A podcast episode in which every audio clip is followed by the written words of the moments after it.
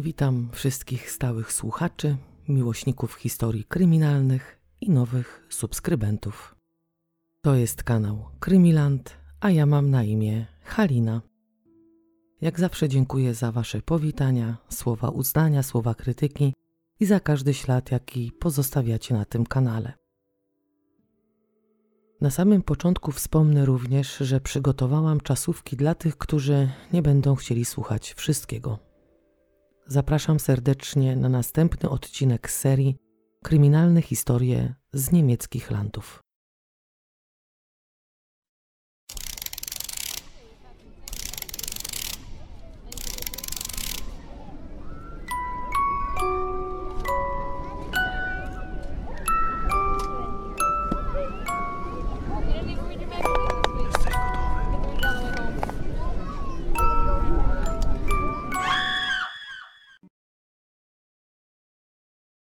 Lata 60. w Niemczech to dekada nowych początków, rewolucji seksualnej, czasu zamieszek studenckich i boomu gospodarczego. Wiele się w ciągu tych 10 lat wydarzyło i prawdę mówiąc nadało kierunek temu, co działo się przez następne 30 lat. W 1961 roku na rynek weszła europejska pigułka antykoncepcyjna Anowlar. No i z całą pewnością można powiedzieć, że to pierwsza taka pigułka na zachodzie. Kobiety w końcu mogły świadomie decydować, kiedy będą chciały zostać matkami i również mogły cieszyć się swoją seksualnością bez żadnych obaw. Pomimo tego, że Kościół był nadal nieustępliwy, zakazał używania pigułek i prezerwatyw, to ta, w cudzysłowie, magiczna pigułka przyjęła się bardzo szybko. Do NRD trafiła w 1965 roku i nosiła nazwę Owosiston. Tam nie nazywano jej pigułką antykoncepcyjną, tak jak na zachodzie. W NRD mówiono na nią Wunschkindpille, co znaczy w dosłownym znaczeniu pigułka na dziecko na życzenie. Jednak w tej nazwie chodzi o to, że to dzięki tym pigułkom kobieta może zdecydować, kiedy będzie chciała zajść w ciążę i podjąć odpowiedzialną decyzję o macierzyństwie. To według tych, którzy władali i dopuścili taki specyfik do sprzedaży w NRD, dawało możliwość świadomego planowania rodziny dla kobiet pracujących. Być może dla niektórych kobiet brzmiało to dobrze, ale pomimo to polityka rodzinna we wschodnich Niemczech kładła nacisk na posiadanie więcej niż trójki dzieci. Najlepiej, jakby każda rodzina miała więcej potomstwa, a rodzice dodatkowo pracowaliby na cały etat. Wiadomo, pigułek antykoncepcyjnych nie można było sobie od tak kupić w każdej aptece, niezależnie od tego, czy były to Niemcy wschodnie czy zachodnie. Recepta mimo wszystko była wymagana. Różnica polegała na tym, że w NRD kontrolowano, która kobieta i kiedy mogła ją stosować, a na zachodzie podchodzono do, tej, do tego bardziej liberalnie.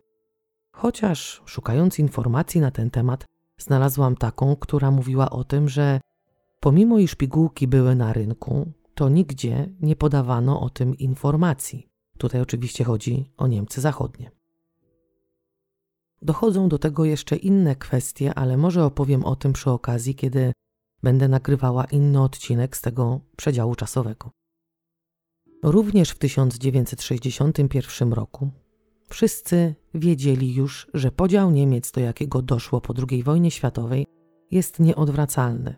Do tego władze, które wówczas rządziły po wschodniej stronie, zdecydowały, że Berlin musi zostać podzielony murem, który, jak się później okazało, dzielił to państwo przez następne 30 lat.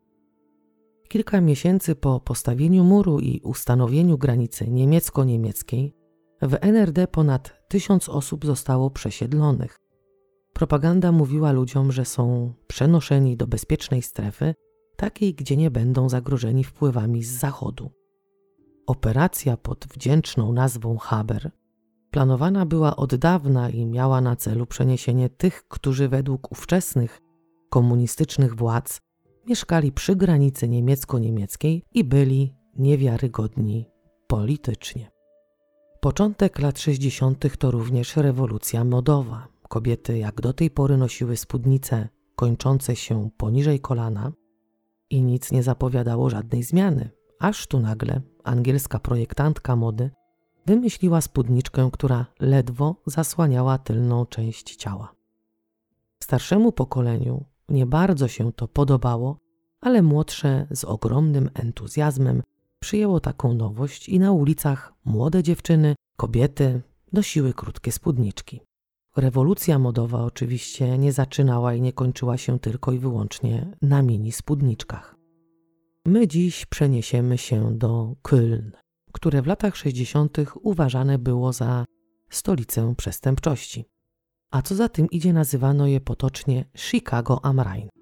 Lata 60. w kolonii nie były tylko naznaczone odgłosem sygnałów policyjnych aut. Miasto również prężnie się rozbudowywało i w 1961 rozpoczęto budowę osiedla, które miało pomieścić w sumie ponad 100 tysięcy mieszkańców. Od momentu zakończenia II wojny światowej ludzie skarżyli się na deficyt mieszkań. Miasta, które ucierpiały podczas bombardowań, powoli starały się odbudować i jeśli była taka możliwość, powiększyć. Z tego właśnie powodu rozpoczęto budowanie osiedli.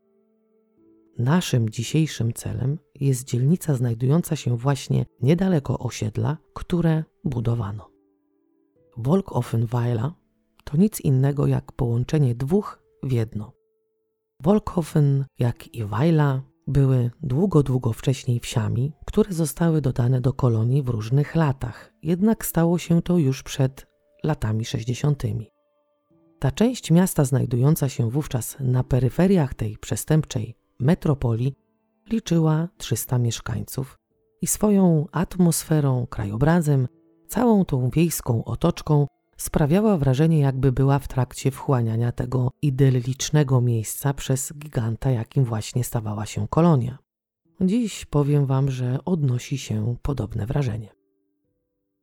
Ta dekada i te jeszcze trochę późniejsze lata nie sprzyjała bezstresowemu wychowywaniu dzieci. Wychowywano wówczas w bardzo niebezpieczny sposób. Pociechy bawiły się często do późnego wieczora same, przeważnie biegały z kluczem na szyi, pokojach dziecięcych znajdowały się niebezpieczne zabawki bez odpowiednich atestów, a dorastające na osiedlach latorośle bawiły się również w bardzo niebezpieczny sposób.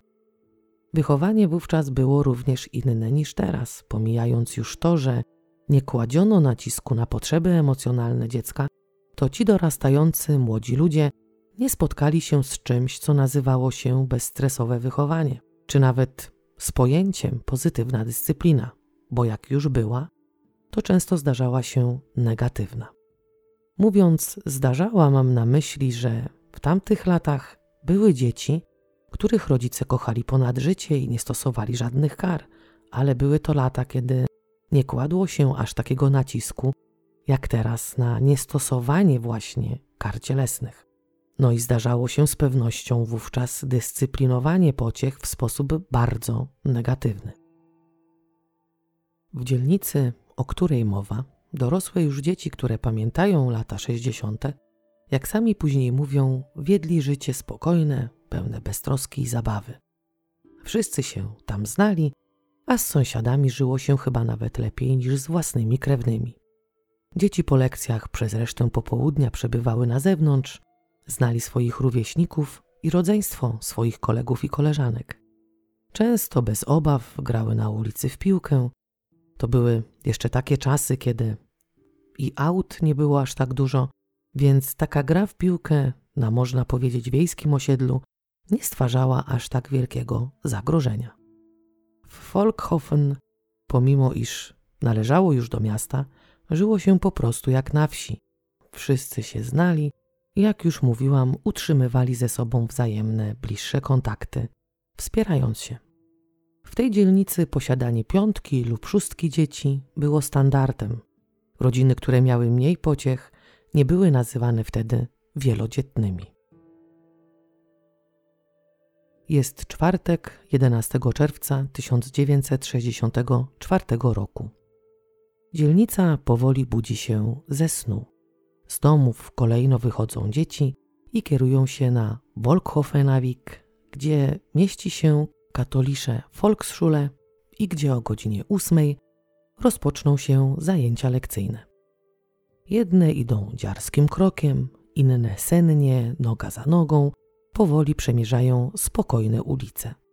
Idą pojedynczo, grupkami, nawołują się lub czekają na przyjaciółkę bądź przyjaciela, z którym wspólnie przemierzą odcinek drogi dzielący je od budynku. Jedne idą chętnie na zajęcia, drugie nie czują pędu do wiedzy i idą, bo mama kazała. Są też tacy, którzy docierają na miejsce szkolnym autobusem lub podrzucają ich rodzice. Dla tych dzieci dzień się dopiero zaczął. Pogoda tego dnia zapowiada się obiecująco. Temperatury mają sięgać 25 stopni, więc idąc w stronę szkoły, umawiają się już na pozalekcyjną zabawę na dworze, czy też cieszą się, że tylko dziś, jutro i w końcu nadejdzie upragniony weekend. Katolicka szkoła na Folkhovenawik to stary, piętrowy, murowany budynek, do którego po jakimś czasie po prawej stronie dziedzińca dobudowano dwa piętrowe, murowane budynki, które nie są duże. W tej rozbudowanej części, w tych parterowych budynkach, znajdują się dwie sale lekcyjne, Pausenhalle i ubikacje. Pausenhalle to pomieszczenie, w którym uczniowie spędzają przerwy, kiedy pogoda nie sprzyja spędzaniu czasu na zewnątrz. W takim pomieszczeniu znajdują się stoły z krzesłami lub ławami. Ściany zdobią prace uczniowskie i w zależności od szkoły znajdują się tam też inne rzeczy, które mogą umilić dzieciom czas podczas przerw. Do momentu, kiedy do szkoły uczęszczały tylko dzieci, które mieszkały w Folkofen, tyle pomieszczeń wystarczyło. Jednak, kiedy doszły dzieci z pobliskiego osiedla, które było w ciągłej budowie, dobudowano po lewej stronie dziedzińca szkolnego dwa dodatkowe drewniane baraki z czterema klasami lekcyjnymi i jeszcze jeden dodatkowy naprzeciwko tych właśnie, który posiadał dwie sale lekcyjne. Jak już wspomniałam, te baraki to były taka prowizorka, która może nie do końca powinna służyć dzieciom jako sale lekcyjne. Systemem grzewczym były tak zwane kozy, w których podczas zimy palono, żeby ogrzać pomieszczenie. Nie wiem, czy robili to akurat nauczyciele. Nowe budynki były prowizoryczne, planowano wybudować nową, większą szkołę, która miała pomieścić więcej dzieci i zapewnić im lepsze warunki, więc na tak zwaną chwilę to, co postawiono, wystarczyło. Dziedziniec oprócz tego, że jest miejscem, w którym dzieci podczas pięknej pogody spędzają przerwę, służy również jako boisko do ćwiczeń. Na terenie szkoły znajdował się też mały ogród z oczkiem wodnym i trochę większy domek dla ptaszków. Ta szkoła jest też drugim domem dla dzieci, które czują się tu bezpiecznie, znajdują wsparcie, a nauczyciele starają się wy wykonywać swoje obowiązki sumiennie. Starają się łączyć dzieci, a nie dzielić. Teren ten, jak i wszystkie mieszczące się w nim budynki, był ogólnie dostępny. Każdy mógł tam wejść, nie musząc się zbytnio nikomu tłumaczyć. Wraz z dziećmi przybywającymi do szkoły, pokój nauczycielski powoli wraz z każdym przychodzącym belfrem wypełniał się zapachem świeżo parzonej kawy i odgłosem rozmów. Młoda, 24-letnia nauczycielka Ursula Kur, która chce zaliczyć jeszcze drugi egzamin pod koniec 1964 roku, jest nie tylko świeżą belferką, ale również jest młodą żoną, która ma w listopadzie tego samego roku na świecie powitać swe pierwsze dziecko. Urzula podczas rozmowy z koleżankami chwali się swoimi nowymi sandałkami kupionymi w mieście. Pani Lankor, pracująca w tej szkole od 40 lat, pani Wilmes, pani Szwyden i pani Bolenrad podzielają wybór swojej koleżanki i dopytują, w którym sklepie zakupiła buciki. Nauczycielka Szwidyn jest dziś pierwszy dzień w pracy. Po urlopie macierzyńskim czuje, że chyba stęskniła się za swoimi uczniami i była bardzo ciekawa tych nowych, którzy doszli do szkoły jakiś czas temu. Koleżanki podpytują Anę Langor, o to, jak się czuje nadal pracując, ponieważ powinna być już na emeryturze. Ona, wdowa po byłym dyrektorze właśnie tej szkoły, nauczycielka starej daty, mówi im coś o wsparciu grona pedagogicznego i oczekiwaniu na kogoś, kto ją będzie mógł zastąpić. Jest to taki czas, kiedy brakuje nauczycieli, żeby znaleźć dobrego, takiego, który po pierwsze będzie chciał dobrze wykonywać swój zawód i pracować na peryferiach miasta, było trudno. Więc dyrektor Chudaczyk porozmawiał z panią Langor, żeby ta jeszcze trochę została. Nauczyciele powoli przygotowują się do rozpoczęcia lekcji. Niektórzy w pośpiechu piją już drugą kawę, inni rozmawiają między sobą jeszcze, pytając się o plany na weekend, cieszą się pogodą i tym, że jest już czwartek. W okolicach szkoły dwóch chłopców wita spóźnialskich i w bezpieczny sposób przeprowadza ich przez ulicę. Chłopcy są dzieciom bardzo dobrze znani. W 1953 roku federalny minister transportu założył stowarzyszenie, które miało na celu angażowania młodych ludzi w wieku od 13 lat w pilnowanie bezpieczeństwa w ruchu drogowym. Brzmi to bardzo poważnie, ale tutaj chodzi o takich pomocników szkolnych, którzy w bezpieczny sposób będą przeprowadzać dzieci przez jezdnię i pilnować, żeby uczniowie bez szwanku dotarli do szkoły. Żeby zostać kimś takim, kto pilnuje tego bezpieczeństwa, trzeba było, jak mówiłam, mieć te 13 lat, być dobrym uczniem, być odpowiedzialnym, sumiennym, pewnym siebie, asertywnym, mieć świadomość tego, co jest złe, a co dobre, no i umieć zachować spokój w stresujących sytuacjach.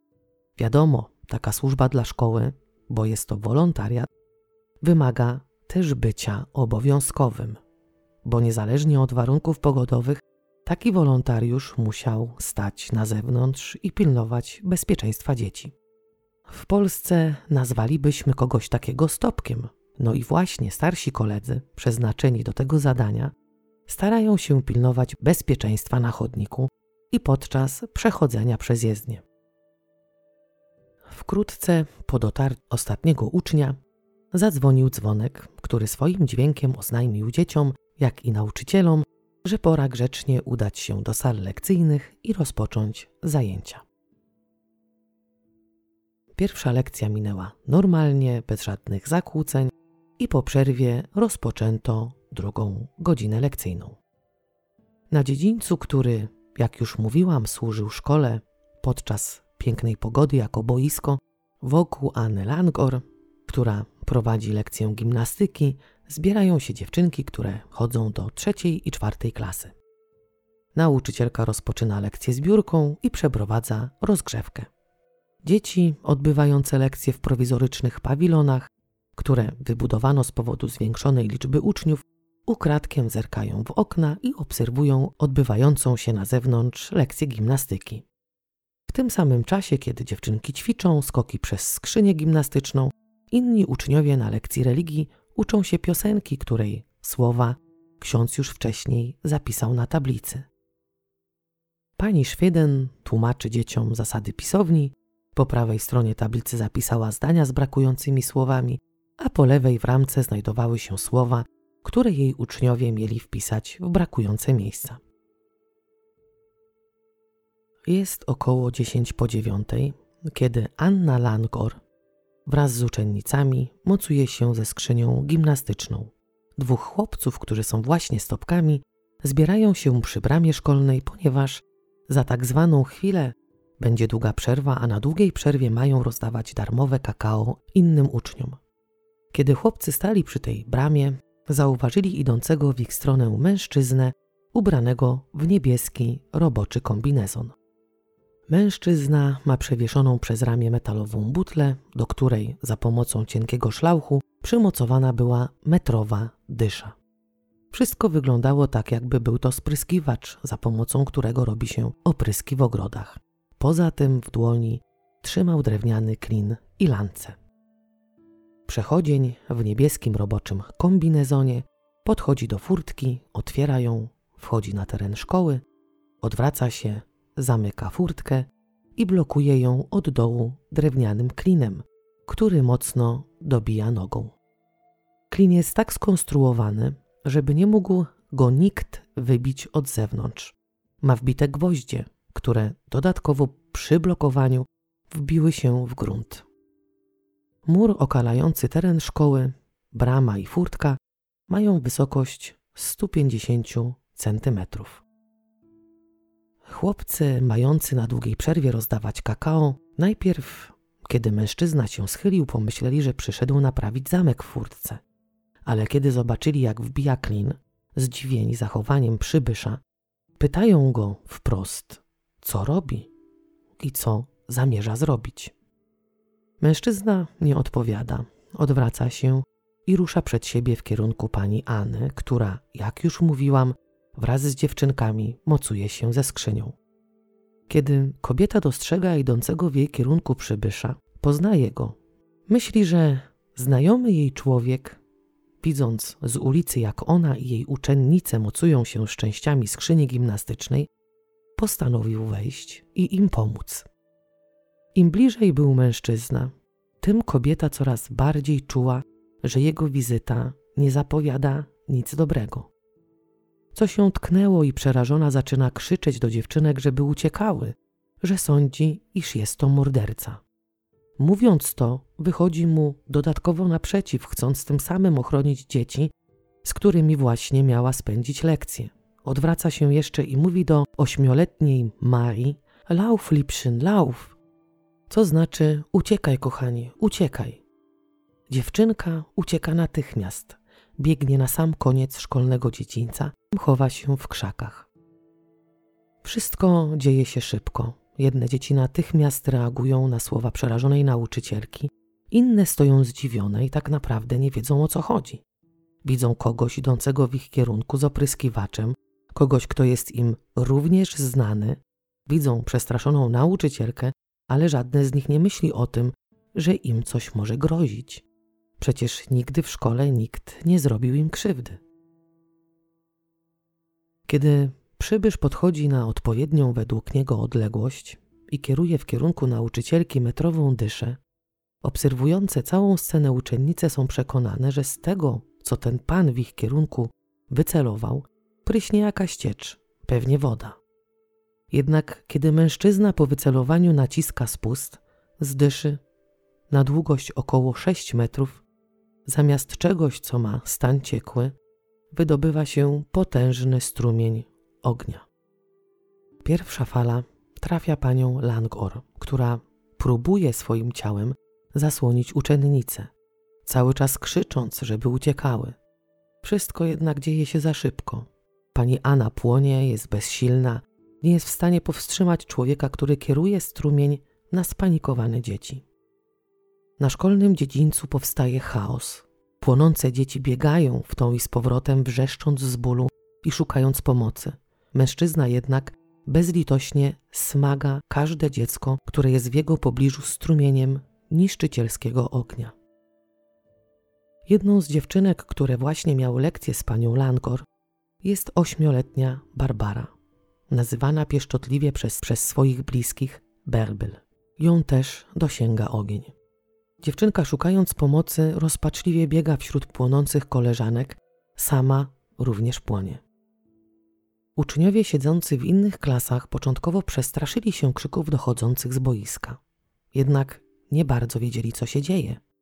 Dziesięcioletnia Mikaela siedziała w jednej z sal lekcyjnych mieszczących się w tych prowizorycznych pawilonach i patrząc w okno w pierwszej chwili myślała, że dzieci bawią się w jakichś Indian, że biegają z jakimiś dziwnymi pióropuszami na głowach, ale w tej samej chwili zrozumiała, że te krzyki nie są indiańskimi okrzykami, że dzieci nie przepełnia radość, że głosy, które wydają, są przepełnione cierpieniem, przerażeniem i bezradnością. Zrozumiała, że pod oknem pawilonu w przerażeniu biegają żywe pochodnie.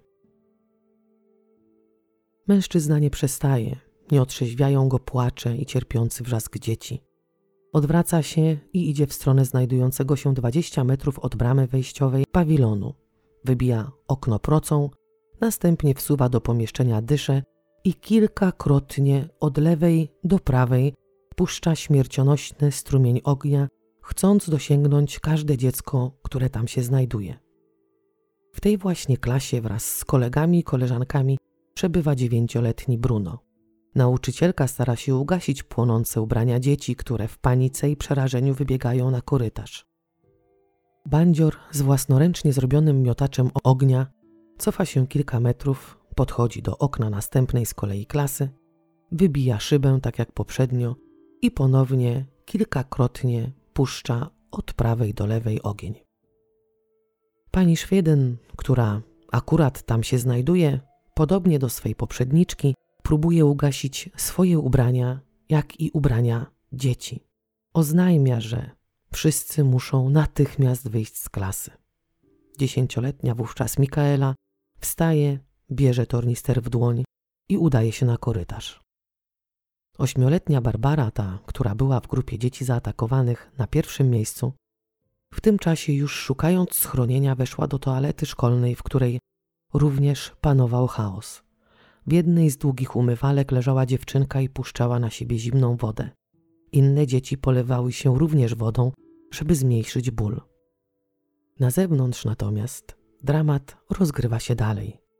Dwunastoletnia Hela, której tego dnia miało nie być w szkole, znajduje się w jednej z płonących klas. Dziewczynka próbuje uciec przez drzwi. Kiedy orientuje się, że wyjście płonie, postanawia uciec przez okno. Wskakuje na parapet i nagle dostrzega, że stoi przed nią mężczyzna, który, wykorzystując sytuację, celuje w jej twarz, dyszą i naciska spust. Nastolatka jest bez szans. Nie może oddychać, bo powietrze jest bardzo gorące. Wyciąga przed siebie ręce, chcąc się osłonić nimi przed piekielnym strumieniem. Kiedy mężczyzna nie przestaje i ciągle bez końca, bez litości pali dziewczynce ręce, twarz, tułów, ta odwraca się do niego plecami, co pomimo wszystko nie powstrzymuje sprawcy. Ogień parzy dotkliwie jej plecy. Dziewczynka wpada z powrotem do klasy i traci przytomność. Dziewięcioletni Bruno wraz z kolegami z klasy i innymi przerażonymi dziećmi jest już na korytarzu, na którym uczniowie o mało siebie nie tratują. Dzieci są w panice i chcą jak najszybciej wydostać się z budynku. Chłopiec kieruje się do wyjścia. Schodząc z niewłaściwie wyprofilowanych schodów, potyka się i upada u stóp jakiegoś mężczyzny. Tym jakimś mężczyzną jest nikt inny jak sprawca tego całego chaosu, który zapanował tego dnia na terenie szkoły. Szaleniec natychmiast wykorzystuje sytuację i celuje w plecy chłopca, który leży przed nim na brzuchu. Puszcza na niego obfitą porcję palącego ognia. Dziesięcioletni Andreas, który odbywał właśnie lekcję religii, również wybiega na schody. Podobnie do leżącego na brzuchu kolegi potyka się na nich i upada u stóp bezwzględnego mężczyzny, który natychmiast kieruje dyszę miotacza w jego stronę. Chłopiec kuli się i zakrywa twarz, chcąc się w ten sposób ochronić. W tym samym momencie dziesięcioletnia Mikaela wychodzi z budynku i staje na schodach. Natychmiast dostrzega leżącego na brzuchu wrzeszczącego chłopca, który płonie i nad którym stoi mężczyzna. Dziewczynka zastanawia się przez chwilę, dlaczego ten człowiek nie pomaga dzieciom. Podbiega do niego, ale czuje, że nie robi dobrze. Natychmiast odwraca się i ucieka. Sprawca celuje dyszą w jej plecy i naciska spust. Z dyszy dość sporym rozpryskiem wydobywa się śmierdząca ciecz, ale bez ognia. Dziewczynka ma całe ubranie zmoczone łatwopalną cieczą. Na jej szczęście i szczęście innych dzieci siedzących w klasach, urządzenie zapłonowe przestało działać. Człowiek, który wtargnął tego dnia do szkoły, próbuje za pomocą kilku naciśnięć na spust uruchomić zapłon, jednak nie udaje mu się to. Na dziedzińcu cały czas panuje chaos. Słychać wrzaski biegających, dymiących lub płonących dzieci. Inne, którym się udało i nie dosięgnęło ich płomienie, próbują gdzieś się ukryć. Nie porusza go to, co wokół niego się dzieje. Zaciska dłoń na lance, jaką wziął ze sobą, wyciąga z kieszeni roboczego ubrania buteleczkę, wypija jej zawartość i kieruje się w stronę drzwi znajdujących się w baraku przylegającym do tego, w którym wybił okna. 62-letnia pani Bolenrat wychodzi z baraku. Być może chce porozmawiać z zamachowcem, a tym samym sprawić, żeby zaprzestał dalszych działań. Prawdę mówiąc, nikt nie wie, co tak naprawdę ten człowiek chciał osiągnąć takim zachowaniem. Kiedy kobieta staje przed nim, ten wbija jej lance, w zależności od źródeł, w brzuch albo w pierś. Kobieta upada, ale jeszcze żyje. Mężczyzna następnie odwraca się i kieruje w stronę szkolnego ogrodu, przy którym usytuowany jest jeszcze jeden niedawno dobudowany barak. Tam 24-letnia Urzula Kur i jej koleżanka próbują trzymać klamkę, żeby napastnik nie mógł wejść do środka. Mężczyzna jest jednak silniejszy i popycha drzwi z taką siłą, że te wyskakują z zawiasów. Przez szparę w drzwiach szaleniec zadaje młodej, ciężarnej kobiecie dwa ciosy lancą w udo. Pani kur, ranna, próbuje wstać i wybiega na dziedziniec. Mężczyzna podąża za nią i dźgają w plecy na wysokości serca lancą. Kobieta upada i już się nie podnosi. Niedaleko szkoły, w tym samym czasie, znajdują się pracownicy firmy wywożącej śmieci. Mężczyźni chcą właśnie zrobić sobie krótką przerwę na kawę. Znajdując się na wysokości bramy szkolnej, widzą dramat, który właśnie rozgrywa się od kilku minut. Natychmiast wyłamują furtkę, bo jak już mówiłam, klin został tak skonstruowany, że nie dało się go usunąć z zewnątrz. Wpadają na dziedziniec i za pomocą koców, jak i własnych ubrań gaszą płonące ubrania dzieci. Jeden z nich wbiega do płonących baraków, chcąc sprawdzić, czy w środku są jeszcze jakieś dzieci. Hela odzyskuje przytomność, ledwo się podnosi i idzie do łazienki. W lustrze widzi swoją spaloną, czarną twarz. Jedna z dziewczynek, która bardzo dobrze zna Helę i jest również bardzo mocno poparzona, pyta dwunastolatki: Kim jesteś? Co daje do zrozumienia, że stan, w jakim znajdowały się niektóre dzieci, jest tragiczny. Kiedy furtka została wyważona przez pracowników, niektóre dzieci wybiegły przed szkołę. Panował chaos. Nie było nikogo, kto mógłby zatrzymać biegnące w panice przed siebie dzieci.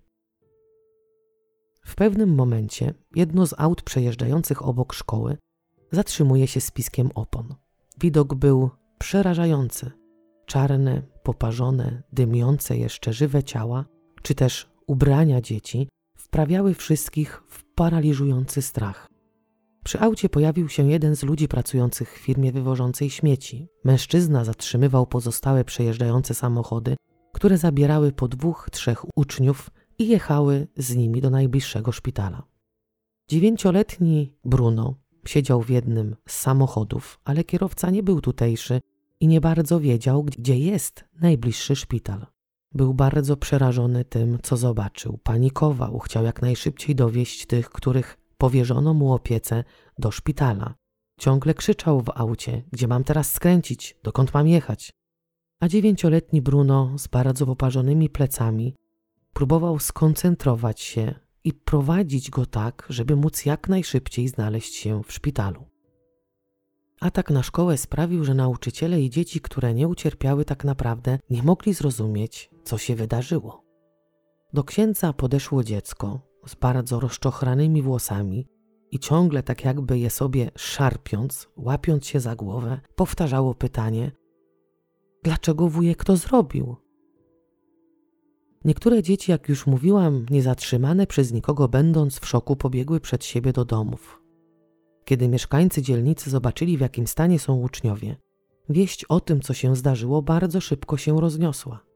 Jedną z dziewczynek, biegnących właśnie, wraz z innymi dziećmi uciekającymi przed zamachowcem i ogniem, była ośmioletnia Barbara, jedna z pierwszych ofiar. Dziewczynka uciekła do domu, przez całą drogę, jaka dzieliła ją od szkoły, biegła. Kiedy wpadła do domu i matka wraz z siostrą zobaczyły, w jakim jest stanie, w przerażeniu zaczęły wrzeszczeć. Dziewczynka nie miała na głowie włosów i była czarna od dymu i od poparzenia. Panika ogarnęła całą dzielnicę, ponieważ przynajmniej jedno dziecko z rodzin zamieszkujących w tym miejscu było właśnie tego dnia w szkole. Rodziny nie wiedziały również, które dzieci najbardziej ucierpiały, więc wybiegali z domów, zostawiając drzwi otwarte i biegli do szkoły, żeby sprawdzić, czy z ich dzieckiem, dziećmi jest wszystko w porządku. Całe zdarzenie od momentu wejścia mężczyzny na teren szkoły do momentu wyważenia furtki przez pracowników sprzątających trwało 10 minut. W tym czasie, kiedy pracownicy wpadli na teren szkoły, inne dzieci przez nikogo nie zatrzymane uciekały do swoich domów, mijały się już z niektórymi mieszkańcami biegnącymi właśnie na miejsce zamachu. Więc kiedy na dziecincu byli już mężczyźni próbujący ugasić płonące dzieci, sprawca akurat uciekał. Widzieli, w którym kierunku się udał, a co za tym idzie, puściło się za nim w pościg około 30 osób. Oczywiście w zależności od źródeł, jedne piszą, że 18, inne, że od 20 do 30. Ludzie chcący dorwać bestię i z pewnością wymierzyć mu sprawiedliwość od ręki, początkowo nie mogli go zlokalizować. Ale po przebiegnięciu iluś set metrów zamachowiec był już w zasięgu ich wzroku. Próbowali zatem go zatrzymać, rzucając w niego kamieniami i czym tylko mogli i co mieli pod ręką. Kilka chwil później pojawiła się straż pożarna i zajęła się gaszeniem płonących baraków. Jakoś tak zaraz po straży pożarnej przyjechał wojskowy oddział medyczny. Nie wiem, czy ich poinformowano drogą telefoniczną, czy z powodu tego, że wieść się szybko niesie, sami zdecydowali przyjechać. O godzinie 9.30 na posterunku policji zadźwięczał telefon. Ktoś zadzwonił i powiadomił posterunkowego o tym, co się właśnie wydarzyło. Informujący krzyczał w słuchawkę, że ktoś w Volkhofen w szkole podpalił dzieci. Osiem minut później radiowóz przybył na miejsce. Funkcjonariuszy powitał tłum ludzi, który już znajdował się nie tylko na terenie szkoły, ale i przed nią. Poinformowano stróżów prawa, w którym kierunku uciekł sprawca. Pomimo to, że wysłano na miejsce patrol, w akcję natychmiast zaangażowało się Kripo. To były takie czasy, kiedy nie wszyscy policjanci mieli prawo jazdy i mogli prowadzić samochód, a co za tym idzie, radiowozów również wówczas dużo policja nie miała. No ale było ich więcej niż jeden i z pewnością było więcej tych, którzy mogli prowadzić pojazdy. Policjanci puścili się w pościg za sprawcą. Nie chcieli również dopuścić do samosądu, więc wiedząc, w którym kierunku uciekł, wiedzieli zarazem, który skrót obrać, żeby móc odciąć mu drogę ucieczki albo nawet spotkać się z nim twarzą w twarz. Kiedy, można powiedzieć, dogonili mężczyznę, ten już za pomocą lancy trzymał tych, którzy go ścigali na odległość Funkcjonariusze również zachowywali odpowiednią odległość, ponieważ mężczyzna miał ze sobą broń, był zdesperowany i mógł ktoś jeszcze stracić życie. Wydano kilka ostrzegających komend, oddano w powietrze dwa ostrzegawcze strzały, aż w końcu postrzelono mężczyznę w udo. Takim sposobem zatrzymano sprawcę. Wiedziano już, że zamach przeprowadził członek społeczności, w której żył od lat, znały go dzieci, i znali go nauczyciele. W czasie, kiedy ścigano sprawcę, kolejno do szkoły przybywała pomoc. Członkowie maltańskiej służby humanitarnej, karetki, inni ludzie. Wszyscy ci, którzy przyjechali nieść pomoc, odwozili większymi samochodami poparzone dzieci do dziecięcego szpitala. Odwożono również nauczycieli, którzy ucierpieli podczas tego zamachu, do innych szpitali. Jednemu z policjantów przydzielono zadanie zapanowania nad chaosem i zebrania możliwie jak największej ilości śladów. Na dziedzińcu leżały porozrzucane rzeczy, wśród nich buty pani kur i buteleczka wielkości takiej butelki, w której znajduje się syrop na kaszel. Funkcjonariusz chciał z bliska przyjrzeć się znalezisku. Wziął do ręki buteleczkę i słyszy, jak jedno z dzieci, które jeszcze były na terenie szkoły, krzyczy, że zamachowiec pił z tej butelki. przedstawiciele prawa, chcąc wyczuć za pomocą węchu, co mogłaby ta butelka wcześniej zawierać. No i po powąchaniu już wiedzieli, że, że sprawca wypił pestycyd, który chronił m.in. rośliny przed insektami, ale potocznie ten środek nazywany był również trucizną teściowej. Natychmiast powiadomiono szpital, do którego przewieziono zamachowca, a tam przeprowadzono płukanie żołądka. Jednak było już za późno, trucizna już działała, ale sprawca jeszcze żył, więc policja liczyła na zeznania i wyjaśnienia, dlaczego zrobił to, co zrobił.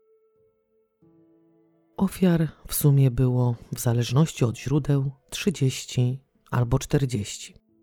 Jednak nie wszystkie miały poparzenia trzeciego i czwartego stopnia. Nie trzeba było ich hospitalizować. Te, które wraz z nauczycielkami musiały otrzymać pomoc, było 28. W szpitalu zapanował rozgardiaż. Pielęgniarki i lekarze, którzy po latach wspominają ten dzień, mówią, że byli przygotowani na wyjątkowe sytuacje. Ale to, co się wydarzyło 11 czerwca 1964 roku, było katastrofą, której początkowo nie mogli ogarnąć.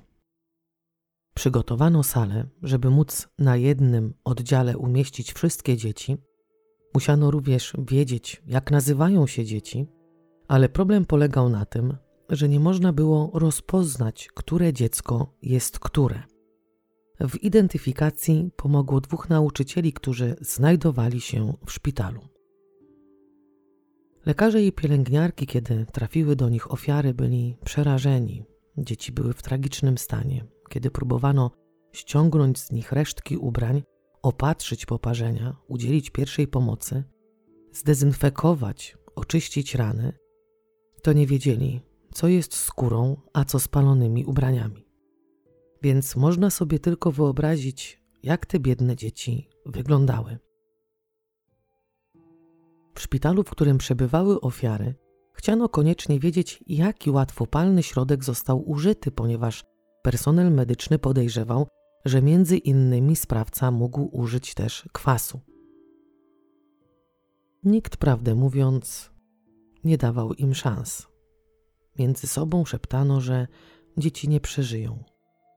Pierwszą ofiarą śmiertelną była 24-letnia Ursula Kur, drugą 62-letnia pani Bolenrat, która kilka godzin później tego samego dnia zmarła. Przez następne trzy tygodnie zmarło ośmioro dzieci. Sprawca, jak już wspomniałam, był sąsiadem dzieci, a tym samym był im i nauczycielom znanym. Walter Seifert urodził się 19 czerwca 1921 roku.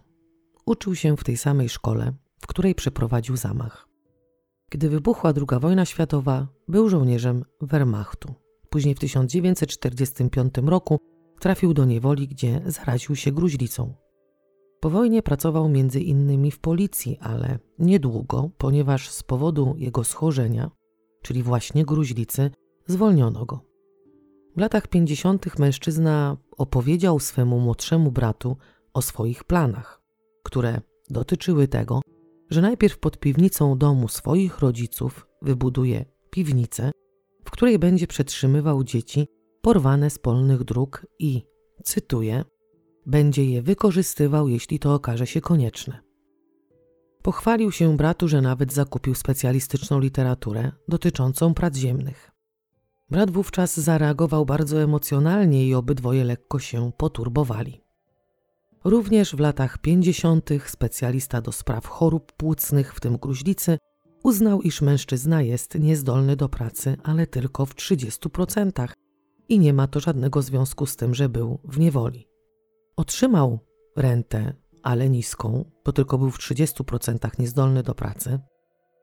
Przez rok wspierał się z lekarzami i urzędami odpowiedzialnymi za przyznawanie rent i przez ten czas napisał wiele listów. Chciał, aby uznano, iż jest w 100% niezdolny do pracy. Wówczas ta renta, którą otrzymywał, byłaby większa. Treści zawarte w trzech z tych listów spowodowały, że oddano go w ręce psychiatry, który miał wydać diagnozę na temat tego, czy mężczyzna jest niebezpieczny. Po przeprowadzonym badaniu specjalista wpisał do odpowiedniej rubryki w formularzu, że pacjent cierpi na schizofrenię lub następuje u niego rozwój paranoidalny. Nie trzeba być lekarzem, żeby krótko stwierdzić, że albo ten człowiek będzie potrzebował leków, albo powinien zostać umieszczony w szpitalu psychiatrycznym choćby na jakiś krótki czas w celu obserwacji. Jednak specjalista uznał, że Seifert podczas badań nie zachowywał się niebezpiecznie i nie było potrzeby, żeby umieszczać go w szpitalu. W połowie lat 50. w październiku mężczyzna obiecuje przed ołtarzem miłość, wierność i uczciwość małżeńską kobiecie swego życia. Prawdopodobnie wówczas się uspokoił i nie dręczył już nikogo swoimi przerażającymi listami. Był inny. Szczęście jednak bywa ulotne i w lutym 1961 roku umiera jego żona na zator. Trafiła do szpitala z powodu przedwczesnego porodu. Tego dnia Seifert stracił nie tylko żonę, ale również dziecko. Po tym zdarzeniu nie było z nim lepiej. Działo się tylko gorzej. Aż w końcu napisał coś jak manifest pod tytułem Matkobójstwo, dola człowieka i analiza systemu. Pismo, które stworzył, zawierało 120 stron. Kilka egzemplarzy wysłał rządzącym miastem i lekarzom. I to nie było jakieś tam zwykłe pismo. Mężczyzna musiał dość ostro studiować literaturę medyczną, ponieważ treść zawierała cytaty pochodzące właśnie z fachowej literatury. Pouczał lekarzy, jak powinno się leczyć zatorowość i nazywał ich mordercami. Następnie poświęcił kilka stronic na temat systemu, aż w końcu uznał, że lekarze są na szczycie tego przestępczego społeczeństwa. Cały apel zakończył słowami, cytuję: Kto mi odmawia ochrony prawnej, wciska mi pałę do ręki. Koniec cytatu. Sąsiedzi nie zauważyli, żeby coś wskazywało na to, że ich 42-letni sąsiad dokona czegoś tak strasznego. Jedni go unikali, inni znów mówili, że był bardzo uczynny i kochał dzieci. Dzień przed zamachem mężczyzna miał spór z pracownikami budowlanymi, pouczał ich w temacie prac ziemnych, wiedzę tą oczywiście przecież zdobył, jak już mówiłam, za pomocą fachowej literatury, która miała mu posłużyć do wykonania planu, jaki się w jego głowie zrodził. Chodzi tu o porwania dzieci. Zamach nie był aktem, który został dokonany bezmyślnie. Mężczyzna bardzo szczegółowo go zaplanował i poświęcił sporo czasu na wykonanie poszczególnych broni, które miały mu pomóc dokonać tego, co dokonał. Do wykonania tego rodzaju broni musiał również posiadać odpowiednią wiedzę, którą zdobył będąc oficerem w Wehrmachcie, jak i to, czego nauczył się w życiu zawodowym. Jego rodzice od lat posiadali metalową butlę, pojemnik, który im służył jako właśnie opryskiwacz. On kupił tylko wąż i potrzebne rzeczy, które mogły mu pomóc przerobić butlę na miotacz ognia. Środki łatwopalne, których użył to toluen, octan etylu, octan butylu i pochodne naftalenu. Do stworzenia lance użył zaostrzonego trójkątnego pilnika, który zamontował na półtora metrowym pręcie.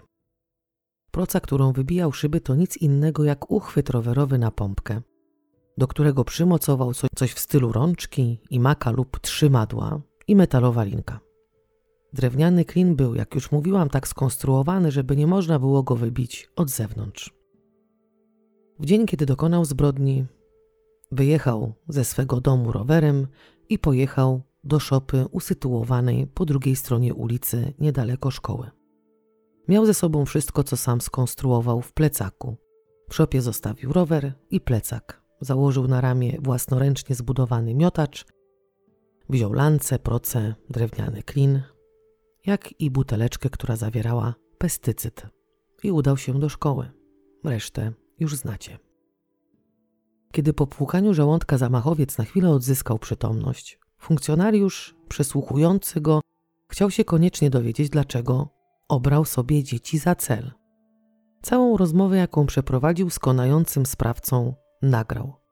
Pytał go, czy znał te dzieci i nauczycielkę. Chodziło mu o panią Anę Langol. Podejrzewano początkowo, że może miał jakiś uraz do tej właśnie nauczycielki, do szkoły albo może do dzieci.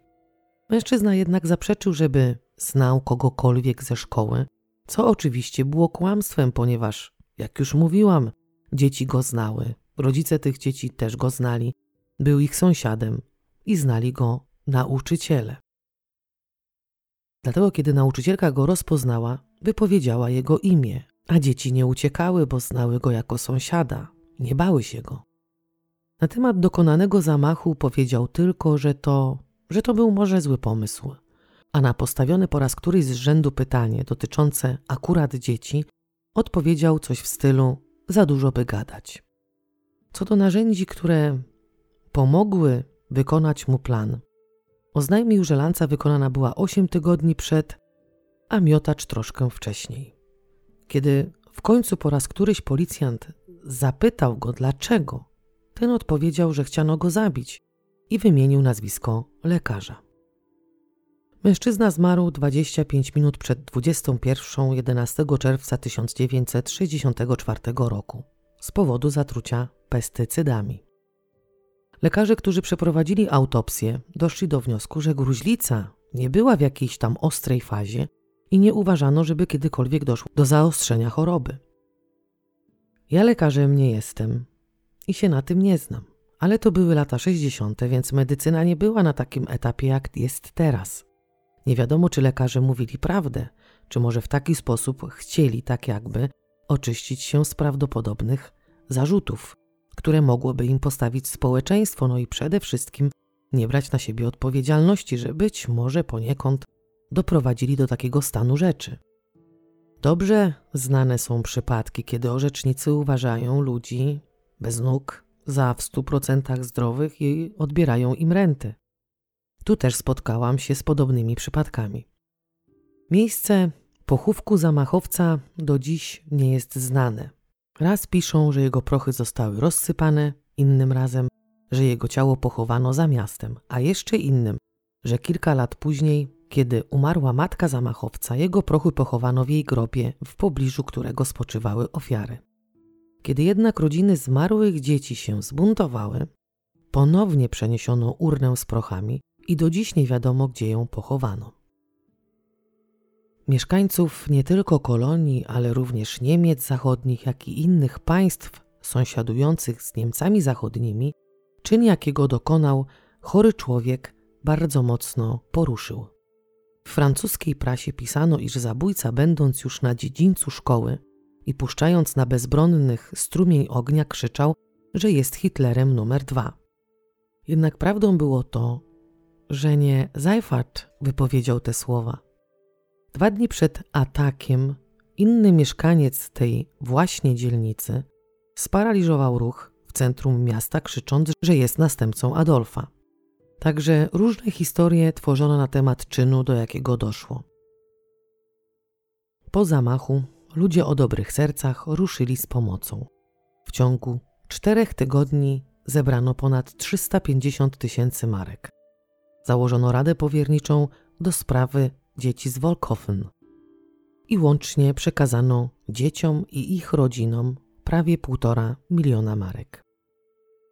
Dyskutowano również o tym, czy można było tego uniknąć, że może gdyby psychiatra badający mężczyznę zareagował odpowiednio i umieścił go w szpitalu, być może nie doszłoby do tej całej tragedii. Stowarzyszeni lekarze psychiatrzy zareagowali natychmiast, mówiąc, że przepisy prawne nie pozwalały umieścić go w szpitalu, że trzeba najpierw zacząć od prawa, a później czepiać się ich. Szukano winnych, policji też się oberwało, bo, bo wysłano początkowo tylko jeden radiowóz, a powinni wysłać ich więcej, sądząc po tym, że nie każdy policjant wówczas posiadał prawo jazdy, może nie wysłali tych radiowozów więcej, bo może nie mieli kierowców. Dzień po zamachu, 12 czerwca, w piątek, helikopter Bundeswehry przetransportował do szpitala dziecięcego 150 ampułek leku, który nie był jeszcze wówczas dostępny na rynku. Lek miał być nowym rodzajem roztworu do infuzji służącym do normalizacji krwi po ciężkich oparzeniach. W mieście zapanowała żałoba. wywieszono flagę do połowy masztu. Wiele z 380 dzieci, które były tego dnia w szkole, przeżyły taki szok, że na myśl o pójściu do szkoły zaczynały histeryzować. Z tego powodu dano prawo do decydowania rodzicom na temat tego, kiedy puszczą ponownie swoje pociechy na lekcje. W weekend było bardzo trudno, ponieważ temperatury były wysokie, a dzieci poranione i obolałe. Postanowiono zatem w szpitalu dziecięcym, w którym leżały ofiary, zainstalować szwajcarski system klimatyzacji. Byli też tacy, którzy zgłosili się do lekarzy i zaoferowali swoją skórę do przeszczepów. Jednak odmówiono im, ponieważ w bankach tkanek przeznaczonej skóry była wystarczająca ilość. Ci uczniowie, którzy przeżyli, bardzo kochali swoją nauczycielkę Urzulę Kur. Zaraz po zamachu kładły kwiaty w tym miejscu, w którym zmarła i na podłodze w korytarzu baraku przy drzwiach napisały, cytuję, tu zmarła nasza nauczycielka, pani Kur. Ofiary wiele miesięcy przeleżały w szpitalu. Wiele z nich musiało przejść kilka, a nawet kilkanaście operacji, które nie tylko dotyczyły przeszczepów skóry. Dzieci cierpiały nie tylko z powodu poparzeń, ale doznały ogromną krzywdę psychiczną i cierpiały również dlatego, że nie mogły widywać się czy też przytulić do matki albo ojca, ponieważ początkowo z obawy przed zakażeniami ran dzieci leżały nago pod namiotami tlenowymi, które zapewniały również stały poziom wilgotności. Do ofiar nie mógł wchodzić nikt poza personelem medycznym. Rodzice mogli oglądać je tylko przez okno. Kiedy już później zlikwidowano namioty tlenowe, to i tak widzieli rodziny właśnie przez okna. Hela była jednym z tych dzieci, które, jak założono z góry, nie przeżyją. Ośmioro z nich, tak jak podejrzewano, nie dało rady. Jednak dziewczynka jakimś cudem przeżyła i przeleżała w szpitalu aż 16 miesięcy. Najdłużej ze wszystkich. Lokalne media informowały na bieżąco o losie dzieci i nauczycielki, która również według lekarzy cudem przeżyła i wyszła ze szpitala dopiero po czterech miesiącach. Dzieciom organizowano w szpitalu rozrywkę, przychodził komik, który starał się je rozbawić, co mu się oczywiście udawało, a sponsorzy kupowali prezenty. Upominki były przeróżne książki, gry, zabawki i były to takie rzeczy, których te dzieciaki nawet we własnych domach nie miały. Najgorszym dla nich był dźwięk pchanego wózka po korytarzu. Kiedy go słyszeli, krzyczeli w niebogłosy. To był dla nich znak, że tak jak co dzień będzie zmiana opatrunków, która łączy się z ogromnym bólem. Z czasem na oparzeniach zaczęło rosnąć tak zwane dzikie mięso, więc je też trzeba było usuwać, a kąpiele również nie przynosiły dzieciom przyjemności. To wszystko zawsze zapowiadał odgłos zbliżającego się wózka. Miesiąc po zamachu Rada Miasta ogłosiła, że pokryje wszystkie koszty związane z leczeniem poparzeń, w skład których również wchodziły operacje plastyczne, psycholodzy, którzy mieli im pomóc uporać się z traumą, jak i poniesienie opłat za rehabilitację i sanatoria. Dodatkowo uznano, że dzieci powinny zostać wsparte odpowiednim zasiłkiem edukacyjnym, a co najważniejsze, z chwilą ukończenia przez ofiary 16 roku życia wypłacać im dożywotnią rentę. Pokrycie kosztów dotyczyło tych dzieci, które nie miały ubezpieczenia szkolnego, jak i chorobowego. Te koszty nie były niskie. Szpitale musiały zostać wyposażone w sprzęt, który pomagał leczyć oparzenia trzeciego i czwartego stopnia. Dodatkowo rachunki za leczenie były też wysokie. Także trzy miesiące po zamachu kasę publiczną te wszystkie zabiegi wyniosły ponad 6 milionów marek. Jak już mówiłam, media śledziły losy ofiar długo po wydarzeniu, nawet do czasów dzisiejszych.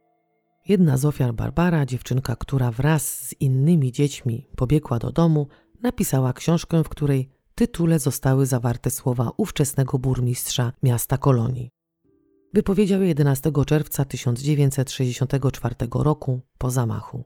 Cytuję: Das Herz der Stadt stand still. Na starym cmentarzu w Weiler pochowano obok siebie dzieci, które nie przeżyły zamachu. Pięć lat później postawiono obok ich grobów pomnik w postaci słupa, na którym są splecione liście wraz z płomieniami. Tego samego dnia, kiedy doszło do zamachu, szkołę zamknięto.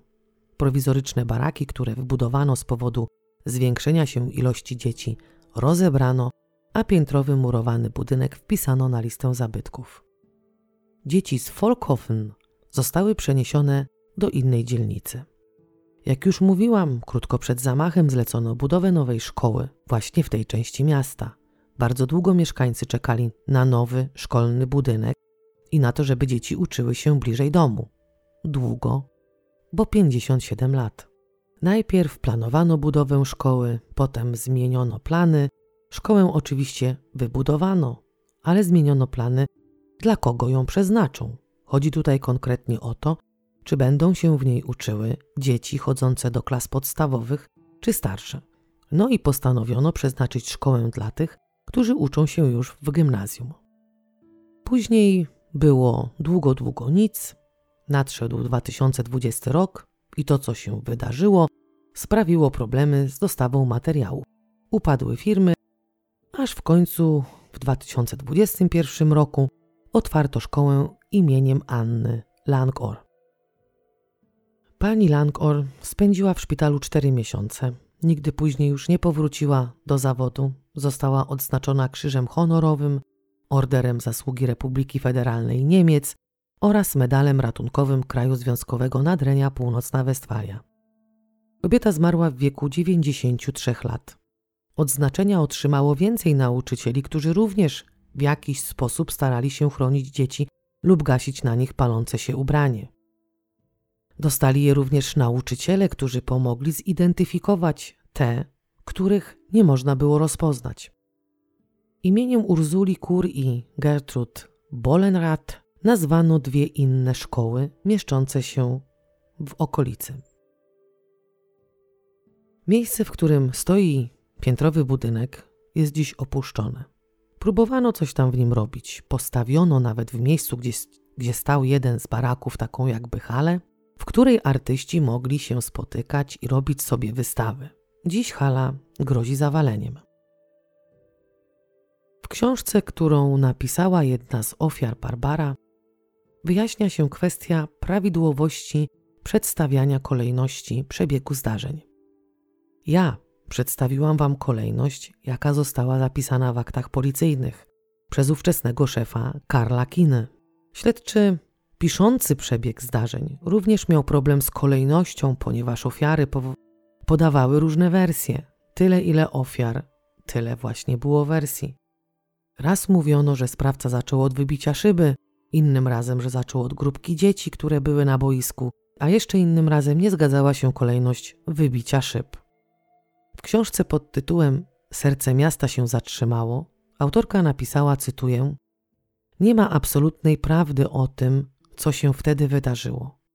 Każdy miał swoją wersję i dopiero suma wspomnień dopełniła obrazu, który może być bliski prawdy.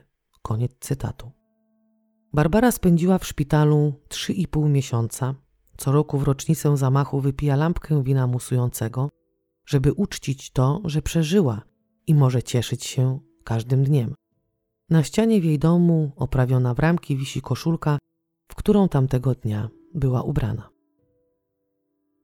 Brat zamachowca w jednym z wywiadów, zaraz po zamachu, wypowiadał się przed kamerą. Dziennikarz prowadzący wypytywał, czy mężczyzna wie, co jego brat zrobił, czy na pewno wie wszystko, a ten odpowiadał łamiącym się głosem, nie patrząc w kamerę, wyraźnie zawstydzony, przestraszony, że nie jest w stanie pojąć tego, co zrobił jego brat. Padały następne pytania, aż w końcu dziennikarz mówi, czy rodzice jeszcze żyją i czy wiedzą, co się wydarzyło. Mężczyzna odpowiedział, że mają matkę i że ona wie, ale nie wszystko. Dziennikarze jednak nie mieli żadnych granic i bez oporów podchodzili do domu, w którym mieszkała kobieta i wydzwaniali bez końca do jej drzwi. Dowiedziała się, co zrobił jej syn i postanowiła oddać wszystkie swoje oszczędności na fundusz pomagający ofiarom. W zależności od źródeł prawdopodobnie oddała wszystko, co miała, łącznie z domem, w którym wówczas mieszkała. Ofiary tego wydarzenia do dziś ponoszą konsekwencje decyzji, jaką podjął jeden człowiek. W czwartkowy poranek w 1964 roku w szkole pracowało ośmiu nauczycieli, a 380 uczniów przebywało na terenie szkoły. Byli też tacy, którzy podziwiali czyn, jakiego dokonał zamachowiec. Jakoś tak zaraz po zamachu, może, może dwa dni po, 48-letni mieszkaniec kolonii, kelner, miał zadzwonić do lokalnej redakcji i powiedzieć, że wysadzi inną szkołę w powietrze. Pochwalił również to, co zrobił jego poprzednik. Mężczyznę natychmiast zamknięto w szpitalu psychiatrycznym. Sądzę, że podczas rozmowy telefonicznej pochwalił się, jak się nazywa i podał adres swego pobytu. No i jak się okazało, był znany personelowi szpitala. Wiedzieli, z kim mają do czynienia, a on sam wyraził zgodę na pozostanie na oddziale zamkniętym. To wszystko, co mogę Wam powiedzieć na temat tej sprawy. Jak zawsze życzę Wam wszystkiego dobrego i do usłyszenia wkrótce.